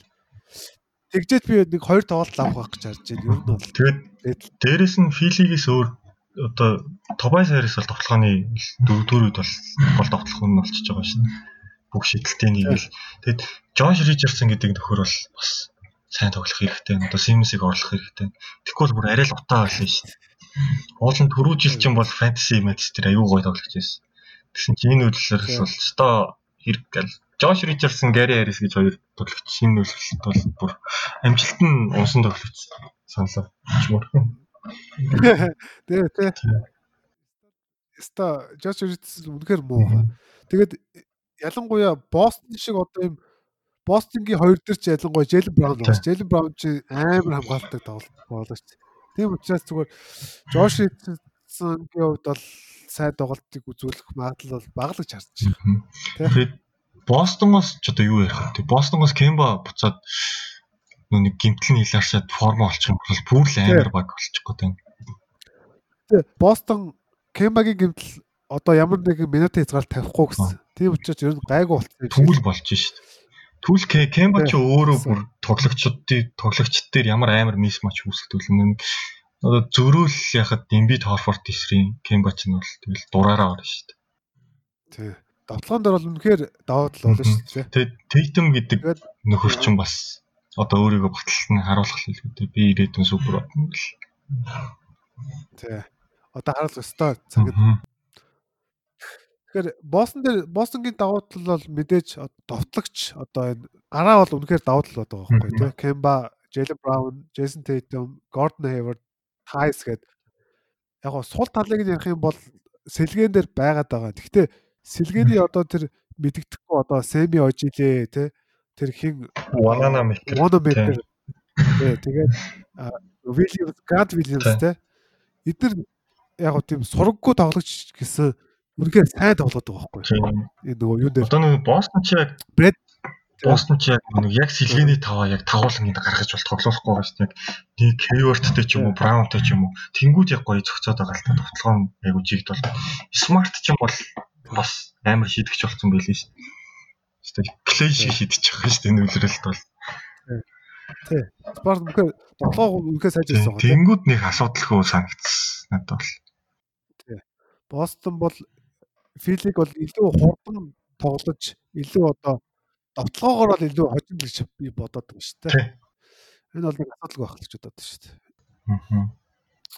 Бостонгийн яг хуу сул тал нь бол ер нь бол өмнө хэлсэнчлэн төвд тоглогчгүй том тоглогч. Тийм учраас нөгөө Милоки дээр ч юм уу Торонтодод тоглоход амар сул тал тэр нь л болох гээд байна. Тэрнээс бусдаар бол Бостон давуу талтай шүү дээ. Өнгөрсөн жил ч угаасаа Милокиг тэгээ бараагүй дээ. Бас Янас ч MVP болцсон байлаа. Тэгээд Бостны яг хамгаалтныг жоохон унсан шүү дээ. Ялтчгүй ийм супер төвүүдтэй. Өндөр тоглогчтой баг дээр. Тэгээд Тайс бол яг сайн байгаа. Гэхдээ яг л юм нөгөө Эмбит шиг ч юм уу ийм одоо хин байгаа те. Янас шиг ч юм уу ийм тоглолтыг хамгаалж чадахгүй. Миний бодлоор болохоор Бостон баг Хейвардын оронд өөр нэг дахиад PF тоглогч солиод давид ирвэл гоё ч. Эсвэл төв ч юм уу те. Тэгээд солиод Тейтмиг SF дээр нь тоглуулчихлаа. Ер нь ирээдүйд аврахаа. Тий. Би болохоор яг гоё төвийн тоглогч л авмаар байгаа. Юу удирдлагын дундуур хинтээ яриадсан. OKC-гийн Стивен Адамсын тий холбогдсон шүү дээ. Адамс бол гоё юм санагдаад байгаа шүү. Тий, эсвэл драмат ч юм уу. Тиймэрхүү. Тэгээ самбарт аваа л гэж. Хамгаалцаатай, гол хамгаалцаатай тий. Самбарт яв. Тэгвэл нэг самбарт авдаг хүн байдаг нэр Бостон. Нэрээ тийм. Самбарт амар дутагдaltaй байдаг байхгүй. Гэтэ филигээ бас аргалчих хөлгөө дээ. Симс авахгүй багт. Филиг бол авахгүй бол. Ер нь бол хоёлаа 4-2 гэж өгч байгаа шүү дээ. За за сүүлийн цуврал энэ хоёрын одоо хин таваар гарсан юм бэ? Хин дөрвөөр гарсан юм бэ? Майами Индиана юу? Индиана сүүлд очичих шиг харагдсан шүү дээ. Аа тий тий. Тэгээд за удирдлын харьцаанд болохоор Майами 3-1-ээр илэрхсэн юм байна. За энэ цуврал дээр энэ цуврал бас нэг яриад байх юм. Майами 4-1-ээр илүүрэх уу? Хангалттай юм бэл. Майами Майами хамаа хамаагүй илүү баг. Одоо нэг Сабонис байхгүй. Дээрэс нь Оледипо форма олоогүй байхад Варн зүтгээ зүтгээд точихгүй л харагдсан. Майами бол. Тэгээд одоо Варн ер нь бол Батлер гэсэн нэг хөөрхөн Ривал үсэд байгаа шүү дээ. Яг үн дээр Ривал бол биш байхгүй. Батлер бол мэдээж All Star тоглогч тэгээд хийдгээ хий чинь. Варн бол яг Батлерийн үүдээс нэг сайн тоглож чадаагүй ер нь өмнөх тоглолтууд дээр ч гэсэн сайн үзүүлж чадаагүй. Тэгэхээр Долетип бол нөгөө нэг 2 жилийн өмнөх шиг нөгөө нэг нэг галзуурсан шүү дээ. Cavaliers эсрэг. Тийм. Тэрийшгээл тоглоод Тийм. хожидгүй болвол энэ жаа худлаа юм билий. Miles Turner ч шүү дээ. Adebayoгийн хүүхэд болох юм. Тэгээд тий санал нэг би бас яг тэгж л харж байна. Майами бол илүү баг нь энд сул тал нь бол мэдээж одоо хиний Олимпигийн гэмтэл байгаа тий яг Иларчаг байгаа. Дээрээс нь Сабонс ирээгүй. Тэнгүүд бүт шин жижигхэн тавт болоод байгаа шүү тий тий тэгээд хин бас ирээгүй байгаа нөгөө Лам ирээгүй байгаа. Дээ. Lamb. Lamp чинь бол яг гарант ч гарчдаг. Сэлгэнээс ч оноод бол цэвэр оноод Тий. өгч болсон юм байхгүй сүулт. Тий. Гоё тоглож байдаг маш гоё тоглож байна. Харин тий. Тэгэхээр TJ Warren яг үнэхээр сайн байгаа. Тэгээд энэ багийн зүгээр яг багийн хувьд болохоор net Macmillan тасалжуулагч бол үнэхээр сайн авч явж байгаа. Хамгаалч гэсэн сайн байгаа ч гэсэн Майамиг бол арай л барахгүй л дээ. Майамигийн хувьд бол мэдээж давуу тал нь бол Butler Warren-ы толгоонд нь л орцсон. Ер нь бол Warren-ыг бол илгэлээ аячих байх гэж байгаа Тэгээд. Miami нөгөө нэг одоо яг East-т байгаа багуудаас хамгийн сайн нөгөө нэг wing defenderтэй баг. Butler байна. Одоо хин байна? Derrick Johnson. Derrick Johnson нэрийг гимтэл яасан бэ? Оо, дээр тэгсэн бэлээ. Derek Jones нэрэ амар хүн гэмтэл аваад 7 хоногийн дараа илүү дахиж үзүүлнэ гэсэн ийм одоо юм байсан. Уул нь Тэгэхээр гараанд гараад айгүй гоё тоглож ирсэн шүү дээ. Эд боёртой. харин тийм Derek Jones Jr-ийн гэмтэл нэлээд ноцтой байж магадгүй байвал бас Miami-д бол нэлээд гар зоогоо Тий. шүү те. Тэгэхээр одоо Crowder л ер нь бол ачаал авах нь дайл гэж харсан да. Crowder, Duncan Robinson. Тэгээд сэлгэнд мэд- мэдээж Андре Тий. байгаа те. Тэгэд Hero бас хүрээд ирсэн бэл. Наан ирсэн үү нэрээ? Наа нэрцээ байгаа. Тэгээ Miami бол нэг асуудалгүй. Бараг жиггэн нэг 10 11 тоглогч тоо ашиглаж тоглож байгаа баг шүү дээ. Бодлоочгүй. Тий. Тэгээд хин сайн байгаа бас нөгөө цагаан арьстай чинь дөрөв номертэй байгаа. А биш. Олимпик сайн байгаа. Хин сайн байгаа. Горн Драгич сайн байгаа. О тий. Dragic ч нь өстой клач тоглогч шүү дээ. Тий. Тэгээд ер нь Майами дээр яг нэг асуудал харагдахгүй л байгаа. Давуу тал нь бол мэдээж нэг гурван шидэлтийн хийсэн тоогоор тэргүүлж байгаа юм биш шүү дээ. Miami юу? А Duncan Robinson байгаа Tyler чинь баг тэхүүлгүй тий. Тайлер Эро, Данкан Робинс хоёр үнэхээр сайн байгаа. Шидэлт нь яг тэр нөгөө шидэгчдэг ритмээ олно гэж байдаг. Тэр хоёр яг ритм олцсон шидэлтээ өстө орцсон л байгаа харагдаад байгаа. Тийм учраас Майамид бол сул тал бол яг сул тал гэх юм бол би нэг л хэмээх харагдаж байгаа нь яг юм шийдвэрлэх мөчөд баатлараас өөр яг залаа те өөр өөртөө боломж үүсгээд довтлчих тийм одоо хүн харагдахгүй байна. Яг уу Dragic тэгэх магадaltaй тоглогч л тоо юу. Тэгэд Аа. Ярив. Tyler Hero жоохон зөрөгтэй байх юм бол яг ирээдүйн тим тоглогч нь болохоор л харагдсан. Гэхдээ ирээдүйд л тэг яг энэ плей-офф гэхээр бас хэцүү шүү дээ. Тий. Тэгэд Бам Адебаяг бас онцлог хэрэгтэй. Үнэхээр сайн байгаа. Харио гэж юу. Американ Тий, гэж тэгээд- хэлээд байна шүү дээ. Тий, тэгээ энэ дээр өөр нэг ярих юм байхгүй дээ. Дөрөв би болохоор дөрөв хоёр гэж хараадах юм. Энд нэг Макмилан дасгалжуулагчны хоёр ажил зулгаад магадгүй байх.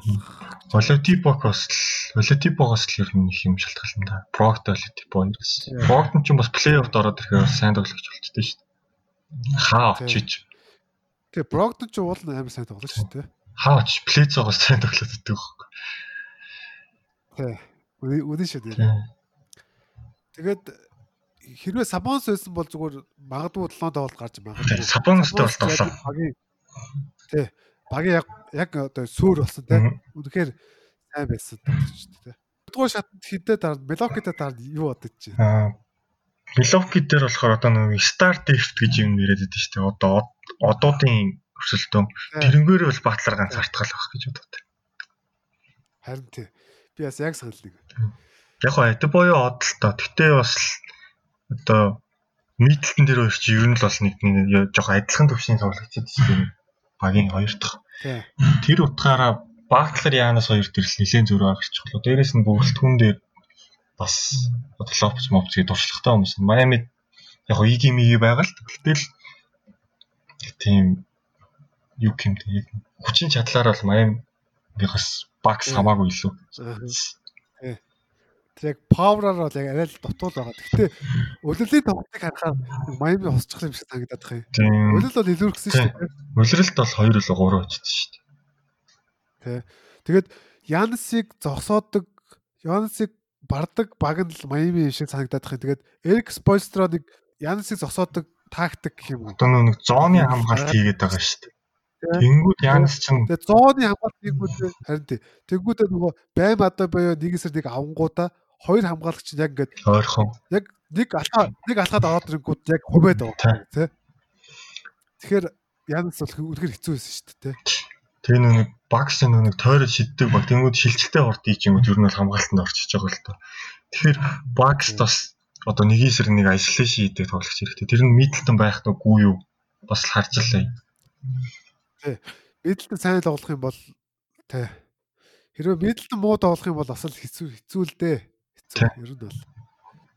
Ер нь би бол 7 тоглолт гарч байгаа гэж хараад байгаа шүү Багс Miami хоёр. дээ. Макс Майв хоёр. Тийм баг гарах бах уу?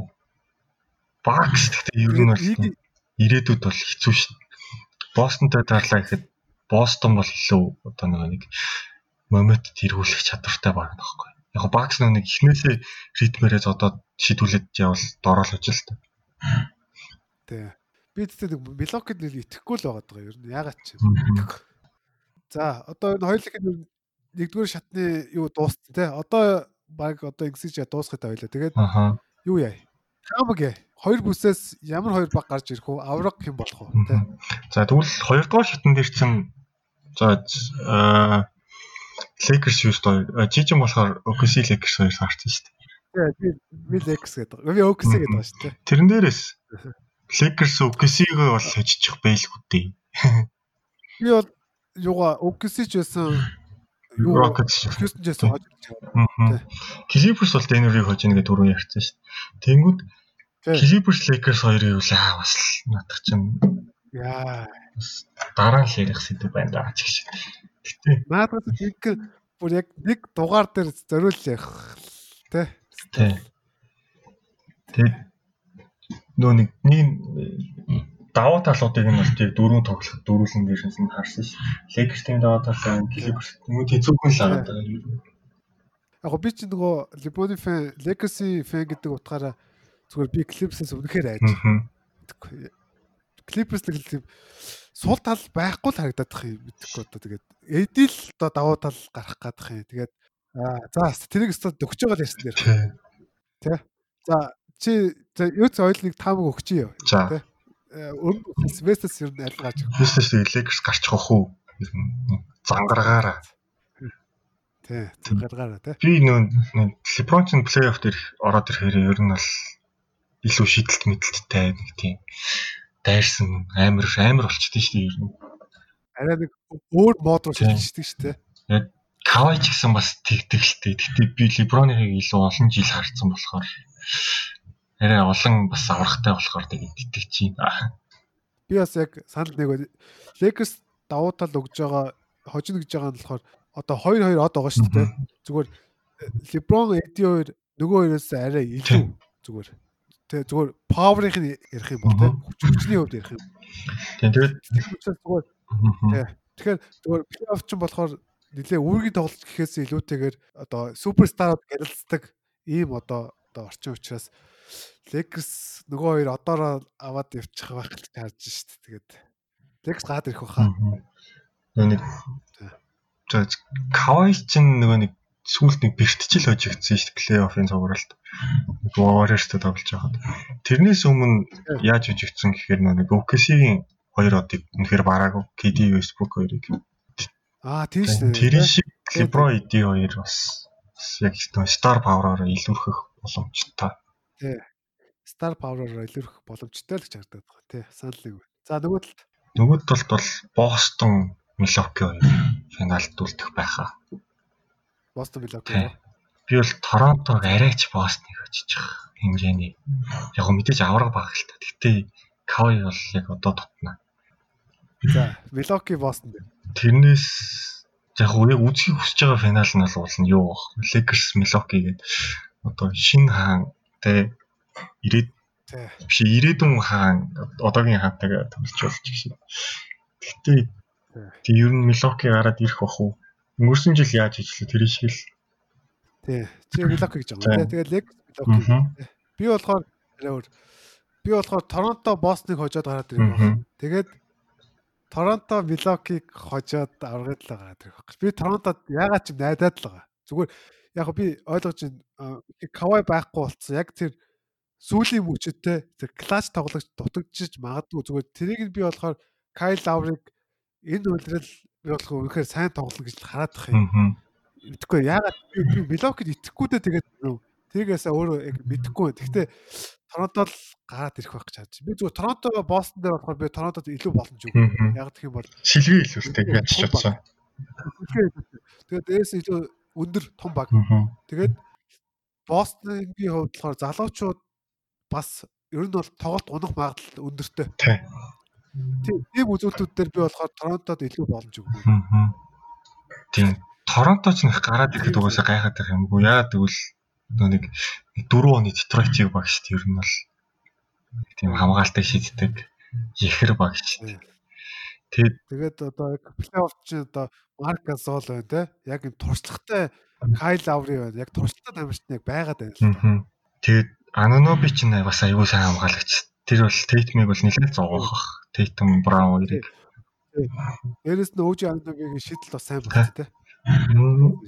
Ананоби ч уул нь бас тийм баг Jonathan Isaac руу тоглогч тэр нь л жоохон яа ер нь бол үнэхээр хүмүүс нэлээд дутаа үнэлдэг ийм л тоглогч л та тий би болохоор тий Lakers Toronto гэж гарч ирээд Lakers авраг амнаа л бодоод байгаа шүү дээ за авраг дээр авраг дээр Milwaukee-г бол Lakers яг хэрвээ ритмээ ойтолч үедээ бол хүнчих бах уу Тэгвэл Янасыг одоо л харин Lakers эсрэг бол ганцаард нь л гэж харж байна Тэгээд эди бол амар мис матч болох юм билий. Милоки дээр.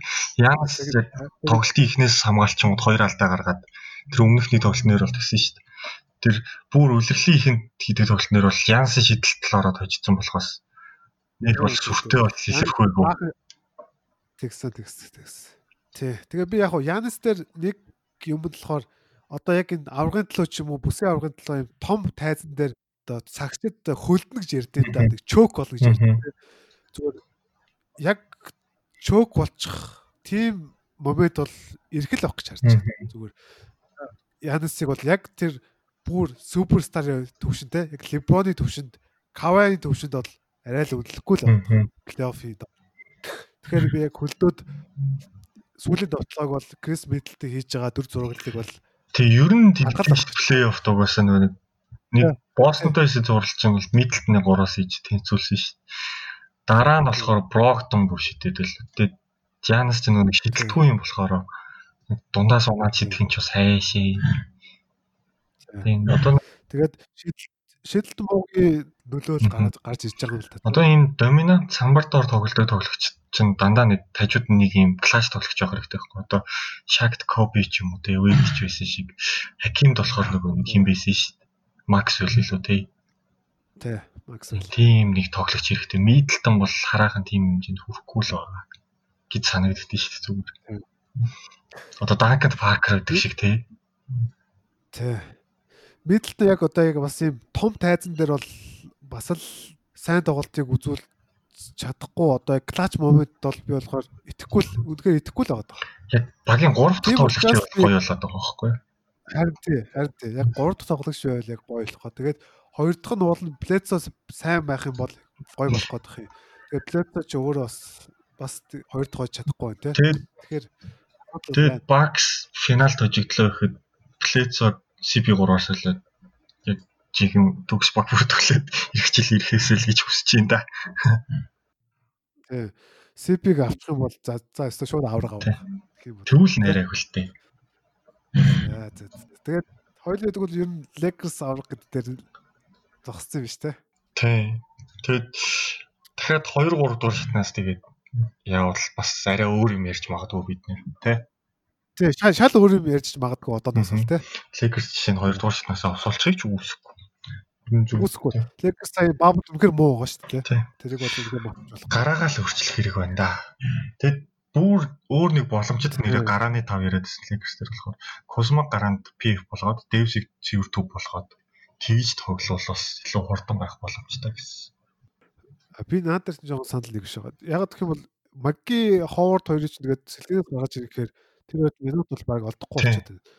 Яг уу тоглолт дуусахад бол угаасаа эдийн хөсөн өсөөгөө 5 руу гараад Кузма 4 дээр Лебон 3 дээр ч юм уу гэж байгаад байгаа шүү дээ. Зүгээр тоглолт дуусахдаа бол тэгэж гарах зөв л. Харин тоглолтын ихэнд бол Макитэгээ гарсан нь бол зөв. Тоглолт тийм тэгэхээр нэг ялгаал байхгүй л тийм. Аа Ти Каросог ер нь л гараанд гарах марлаа юм да KCP-гээр.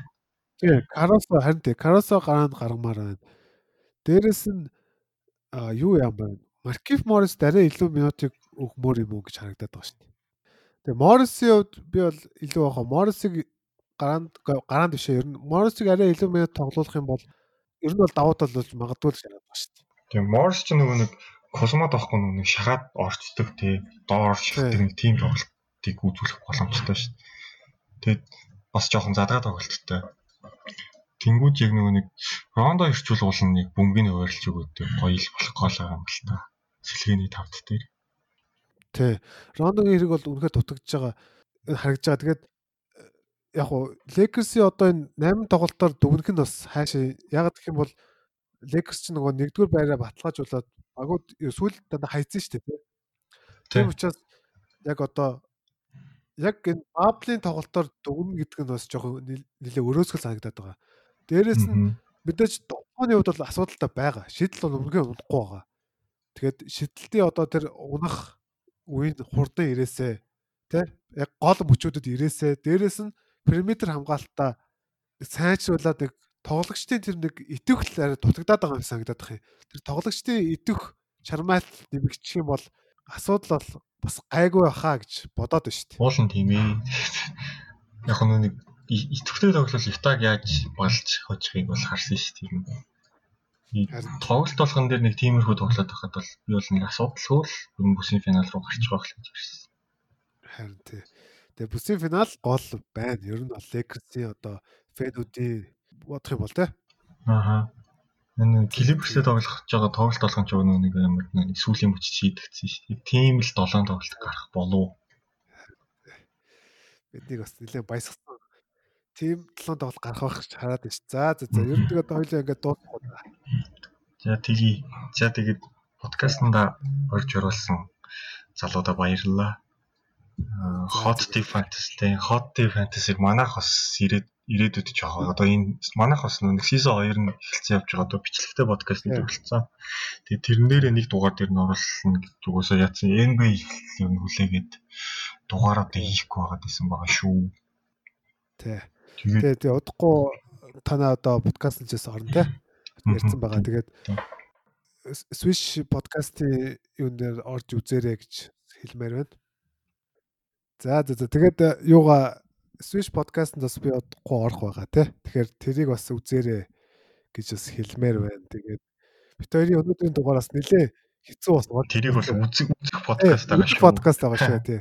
Харин тэгээд э, миний царайг бас харах боломжтой байгаа гэдэг таахгүй. За за тэгээд э, манай шэдигийн э, нэтэн тасраад бас нэлээх тасаллаа бас хэцүү байла тий. За яг хөө тэгээд үнэхээр гоё яриаг өрнүүллээ. Баярлалаа.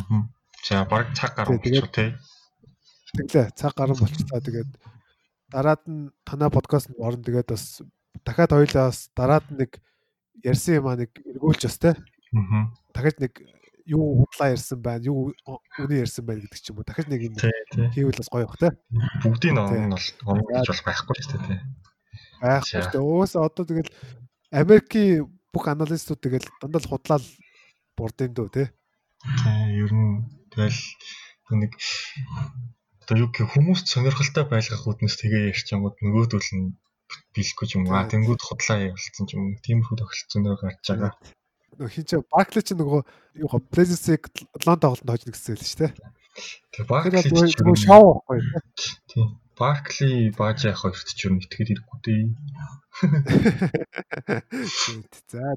Тэгээд өнөөдөр бас харшил хөдлөөд хамар битүү тэгээд ярих гэж бас нэлээд хүнд байла. Тэгээд нэлээд тийм гоншиж ярьсан бол бас хүлцэл өчий те. За за. За тэгээд шэдэ баярлаа. За баяртай. Хот За за. За. За бай.